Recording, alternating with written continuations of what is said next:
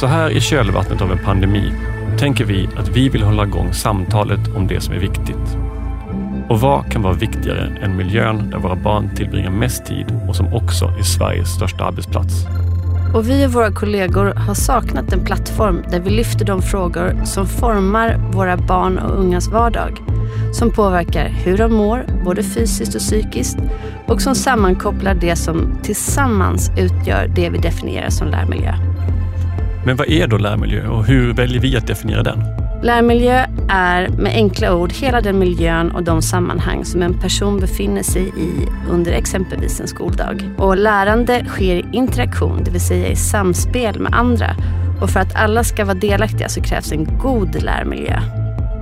Och om den värdegrund och de attityder vi möter i vår omgivning är avgörande, så betyder det att verksamheten bör utveckla kunskap och förutsättningar för lärande och hur det hänger samman med verksamhetens pedagogiska, sociala och fysiska miljöer.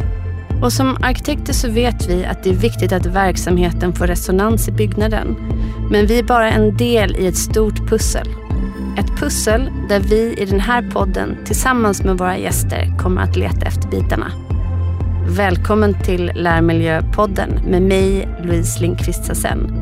Ett nytt avsnitt varje vecka där vi pratar om vad som skapar förutsättningar för lärande och hur vi tillsammans kan skapa de bästa förutsättningarna för en god lär och arbetsmiljö.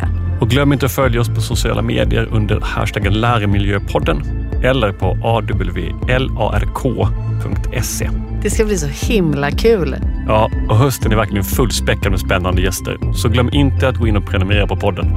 Nu ringer vi in tycker jag.